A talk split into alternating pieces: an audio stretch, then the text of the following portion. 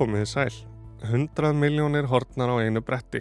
Lausnargjalds krafist fyrir upplýsingar um notendur ferðarþjónustu fallara, fjö svikið út úr íþróttafélögum, varað við umsvifum kynveskra hakkara, ráðist á netþjóna opinberra stopnana. Þetta er eins nokkur dæmum fréttir af tölvuþrótum sem vila ekkert fyrir sér og nú er þeir meira segja farnir að breyða sér í líki lauruglunar, skálda upp sakargiftir og bjóða viðtakendum að gera upp mál með sektargreislu. En á sama tíma og við erum tengdasta þjóð í heimi er neturiki verulega ábútafant hér á landi. Á lista alþjóða fjarskiptastofnunarinnar situr Ísland í 50. og 8. sæti yfir neturugustu löndin. Við erum á milli Rwanda og Suður Afríku langt fyrir neðan nágrannarlönd okkar og flestar þær þjóðir sem við berum okkur gjarnan saman við. Við höfum því ekki farið varhluta af þeim tölvu þrótum sem hafa tekið internetið í sína þáu og sjá hvert snjalltæki sem tækifæri til að stela upplýsingum og gögnum, hafa fyrir fólki og fyrirtækjum, valda skada og usla af hverskins tægi. Ég heiti Snorri Rafn Hallsson og þú ert að hlusta á þetta helst. Helst í dag eru tölvuþrótar og netsvindlarar, aðferðir þeirra og markmið.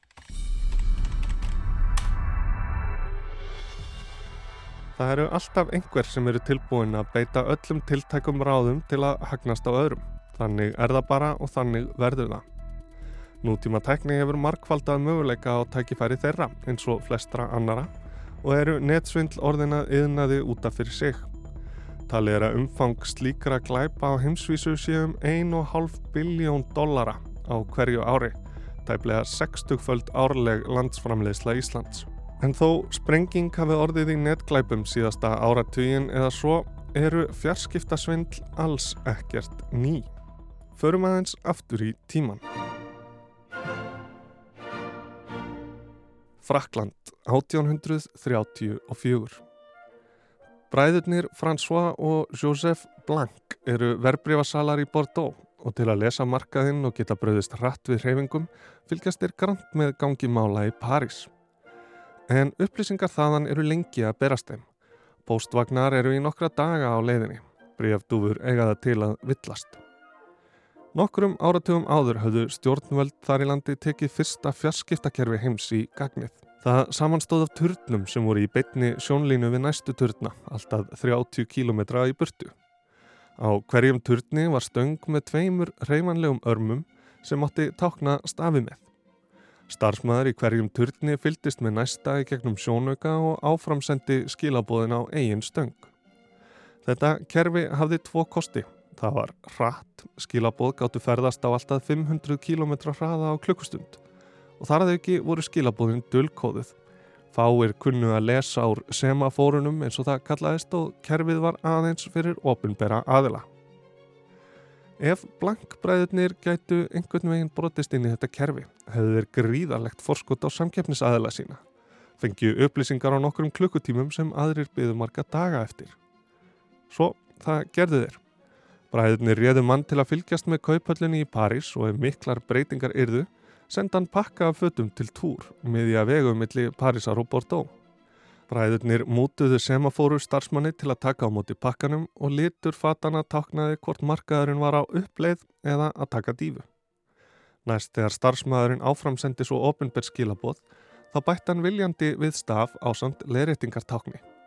Allir hinnir turnarnir endur tókuðu villuna og leirreitinguna svo ofinberðu skilabóðin voru skrifuð rétt niður á áfangastað en annar vittórsmaður blankbræðurina fyldist með næst síðasta turninum frá heimili sínu í Bordeaux, skrifaði villuna niður og let blankbræðurna vita. Og þeir grættuð á tá og fingri. Það komst ekki upp um þá fyrir 1836. Sema fóru starfsmæðurinn lága á dánarbeðinum og reynda að finna einhvern til að taka við af sér. Samstarfsfélagar hans voru þó heiðverðari og greindu frá því sem hafi gengið á í tvö ár. En þar sem þetta hafði aldrei gerst áður þá voru engin lög sem bönnuðu þetta en því var fljótlega kipt í liðin. Svona byrjuðu ferskiptasvindl. Þetta kann að hljóma frumstætt en er í grunninn sama aðferð og í netsvindli sem netöryggisveitin CERT-IS varaði við í mars á þessu ári og gengur út á það að komast inn í samskiptakeðjuna og misnóta upplýsingar. Netöryggisveitin CERT IS byrti þessa mynd á heimasíðu sinni og þar sjást tveir einskráningagluggar nánast alveg eins. Einu munurinn er slóðin. Svo í rauðakassanum er svikaslóð, hinn er í lagi. Aðferðir netþróta verða sífælt betri og erfiðara er að hafa við þeim. Sankvæmt upplýsingu fréttastofu nema stærstu einstöku netsvikin á Íslandi hátt í 100 miljónum króna. Framkemur á heimasíðu sert að það séu nýmæli að veri sé að fiska eftir rafrænum skilríkju. Þegar þau séu í höfn geta þrótarnir millifært háar fjárhæður úr heimabankanum og notfært sér kreditkort. Nýgerjusundlið sem hefur lifað góðu lífi frá því á tíunda áratugnum á einnig rætur að rekja til 19. aldar en þá fekk fólk bref frá spænskum fanga, ekki nýgeriskum prinsi. Aðrar útgáfur hafa svo flóið um fagstæki, tölvupóst og svo á samfélagsmiðlum en það sem er alltaf eins er það að sendandin segist vera auðugur en þurfa að koma stórum fjárhæðum úr landi. Kæri herra, ég er Kúfor og Túmfó prins eldri sonur hins látna konungs og Tumfo og Póku vari annars, en andlát hans varði kjölfar stutts veikinda. Fyrir andlát föðu míns, konungs og Tumfo og Póku vari annars, hafði ég heimild og opinberlega þektur sem næsti arftaki og rétt hafi eigna föður míns, sangkvæmt afrískum hefðbundnum sið.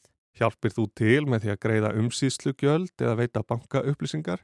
muni einhverjar af miljónum prinsins verða að þínum miljónum. En fellur einhver fyrir þessu? Þekkja flestir ekki nýgriðusvindlin og er þetta ekki allt of, allt of augljóst? Jú, jú og jú. Tug þúsundir falla fyrir fjögur nítján svindlinu, nefnt eftir lagagreininni í Nýgerju sem það brítur gegn á hverju ári. Um helmingur svindlarana kemur frá Nýgeríu en fjarskiptabildingin, sérstaklega í Asíu, hefur stór fjölkað mögulegum fornalömpum. Nú er hægt að svíkja þá sem voru óhulltir áðurinnir fengur netfang og netbanka. Og tjónið leipur á miljardum ár hvert og nýjar útgafur skjóta upp kollinum í takt við tíðarhandan. Spænski fangin sem varða nýgeriskum prinsi gæti nú byrst í postólfunni þínu sem ukrainskur viðskiptakall sem þarf á þinni aðstóða halda. Það er svo með ráði gert að um augljóst svindl er að ræða. Þessir tölvupostar eru skoti í myrkri, sendir á stóran hóp fólks í einu sem flest eru ólíklegt til að falla fyrir því. Svindlararnir þurfa að verja talsverðum tíma á fyrirhöfn í að skrifast á við tilvonandi fornalömp sín til að fá eitthvað upp úr þeim. Með því að hafa sendingarnar nokkuð augljósar svara engin nema þau allra auðblektustu og það eigur líkur á árangri og sparar svindlurunum tíma í að eiga við þau sem hafa grunnsendir. Þetta enginnir nýjasta netsvindlið sem speillin greindi frá 31. mæ. Tölur þau bórið á því að nettsvindlarar sendi tölvupost undir yfirskinni að postarnir séu sendir frá lögreglu eða dómsmálaráðunetti en þeim er einmitt ætlað samt að hafa fíða fólki. Það stendur að verið sé að rannsaka viðkomandi í tengslu við batnaklám eða batnanýð. Í tölvupostunum segir að viðkomandi verði skráður sem kynferðisbrótamaður Viðtakand er þá bóðið að gera upp máli með því að greiða sekt, annars verði hann ákjærður og nabbirtur í fjölmiðlum. Póstanir eru oft mjög grunnsalegir, mikið eru málfarsvillur og undarlegt orðalag. Í einum pósti segir til að mynda orðrétt, þú verður skráður sem kynferðisbrótamaður og skráin þín verður einnig send á ljósvakamiðla þar sem fjölskylda þín, ástfinnir og allir aðrir sjá hvað þú ert að gera fyrir framann tölvuna þína. Nú hefur þér verið varað við skál. Póstanir skipta tögum þúsunda. Netsvindlarnir viti að fæstir falla fyrir svikunum en sendi þeirra nóg marga falli einhverjir í gildruna. Hildarkostnaður netsvika sem tilkynnt hefur verið til laurugla á Íslandi það sem afer ári er um 2 miljardar króna. Fyrir nokkrum árum bar einnig á fáaðri og markvisari svindlum þar sem þrótar herjuðu meðal annars á íþróttafélag. Þóttust vera yfirmenn og báðu um millifæslur í snatri sem grunlausi starfsmenn framkvæmdu. Þetta eru allt saman útöksaðar aðgerðir sem spila á mannlegar kvatir eins og tröst, óta, græðki og svo framvegis. Og við þessu er helsta vörninn að fólk sé á vartbergi, sannreini upplýsingar og treyst ekki hverju sem er. En svo eru það þau brot þar sem internetið og tæknin er ekki bara vettvangur glæpsins heldur beinlýnis tólinn. Hér á landi hafa komið upp nokkur mál þar sem gögnum er stólið og lausnargjalds krafist fyrir. Til að mynda við háskólan á Akureyri upphafi árs. Hinn er allræmdi tölvuþrótar í Karakút Data Extortion Group komist yfir kennitölur og símanúmer, notendanöfn og likilord allra notenda tölvukerfis HA. Gröðust er greiðslu, ellegar myndi þeir leka gögnunum og óprútnir aðilar gætu nota þau til að fremja önnur brot síðar. Karakurt er tegund af konguló, svartri ekkju og vísar hópurinn til þessi árásum sínum. Giftur karakurt er mjög eitrað og hættulegt. Ekki eigða tímaðínum. Hvað myndið þú gera? Auðvitað verður þú að taka móteitur. Í þínum aðstæðum þýðir það að þú hefur enn möguleika á að lifa. En það mun kosta þig tvöfalt. Það eina sem þú þarfst að gera er að samþykja skilmála okkar og skilir því án þess að reyna að semja. Háskólin á Akureyri kaus að semja ekki, heldur var því bengt til notenda að breyta líkilónum sínum til að lámarka skadan. Það var hægt vegna þess að Karakurt hefur ekki fyrir því að dúlkóða gögnin, heldur lætur næja hótunum að byrta þau á hulduvefnum þar sem slíkar upplýsingar ganga kaupum og sölum milli óprútina aðila. Þar er meðal annars að finna kreditkorta upplýsingar þúsunda Íslendinga. Ekki er vita nákvæmlega hverjir standaði baki Karakurt en FBI og netörygis yfirvöldi í bandaríkunum hafa varað við árásum þeirra sem verðast helst beinast að smerri stopnunum og fyrirtækjum í bandaríkunum, Breitlandi, Rúslandi og Þískalandi. Hópurinn hefur verið starfandi frá því september 2021 og þegar gert árásir á tugi aðila og nú síðast í april tilkynnti Karakurt að þeir hefðu komist yfir kennitölur, fæðingadaga, netföng, símanúmer og heimilisföng 150 miljón bandaríkjamanna eftir innbroti í eitt fyrirtæki. Talið er að Karakurt tengist hinn um rúsneska Konti-hóp sem var virkur á síðustu árum. Konti gekk þó lengra. Dúl kóðaði gögnin svo notendur höfð ekki aðgang að þeim nema þeir greittu fyrir þau í óreikjanlegum rafmyndum. Þegar Konti komst yfir gögn en gæti ekki læst þeim, tók Karakurt við og hótaði að leka þeim. Konti læði upp laupana eftir innrásina í Úkrænu en ekki er vitað hvort tenging sé þar á milli. Þegar gögnum er læst með þessum hætti getur það haft alvarlegar afleggingar. Líkt á þegar Lazarus hópurinn sem starfar fyrir stjórnvöld í Norður Kóriu gerði árás á 100.000 tölva í mæ 2017 í stæstu netárás allra tíma. The NHS is the victim of a major cyber attack. Since mid afternoon, computer systems in at least 25 hospital trusts and GP surgeries up and down England and in Scotland have been hit. In those affected, routine operations are being cancelled, patients are being sent home, and ambulances diverted. Helbreyðiskerfið lág neyri. Fresta þurfti aðgerðum og ekki var hægt að nálgast upplýsingar um sjúklinga. Haug helbreyðistjónustunnar í Breitlandi voru fylgistjórnir í Indlandi. FedEx, Honda, haug fjölda fjarskiptafyrirtækja, háskóla og spítala víða um heim fyrir vonakræ árásinni svo kalluðu. Talið er að það lausnargjald sem greitt var fyrir gögnin hafi hlaupið á miljardum og runnið í kistur stjórnvalda í Norður Kóriu.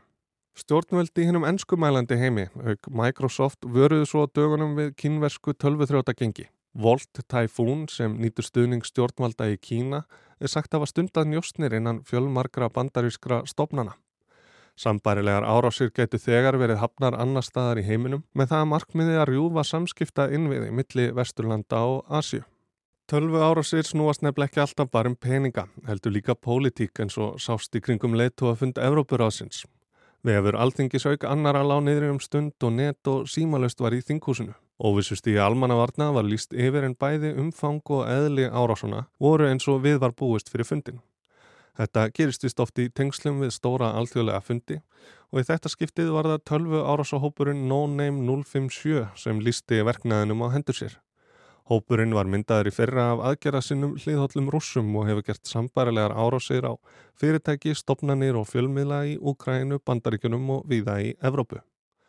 Þó varnir hafi nokkur með einn haldið og ekki sé vita til þess að neitt varanlegur skadi hafi orðið, er netöryggi en ábútafand hér á tengdastalandi í heimi. Alþjóða fjarskiptastofnunin gefur út mat sitt á tvekkjára fresti. Ísland stökku upp um þó nokkur sæti síðast og er vonast til þess að við getum endur tekið leikin næst. 15 ára netörygis áallun hefur verið gefin út og aðgerðir fjármagnar. Netöryggisnáma á masterstíi er í undirbúningi og útlitið gott. En farið samt varlega.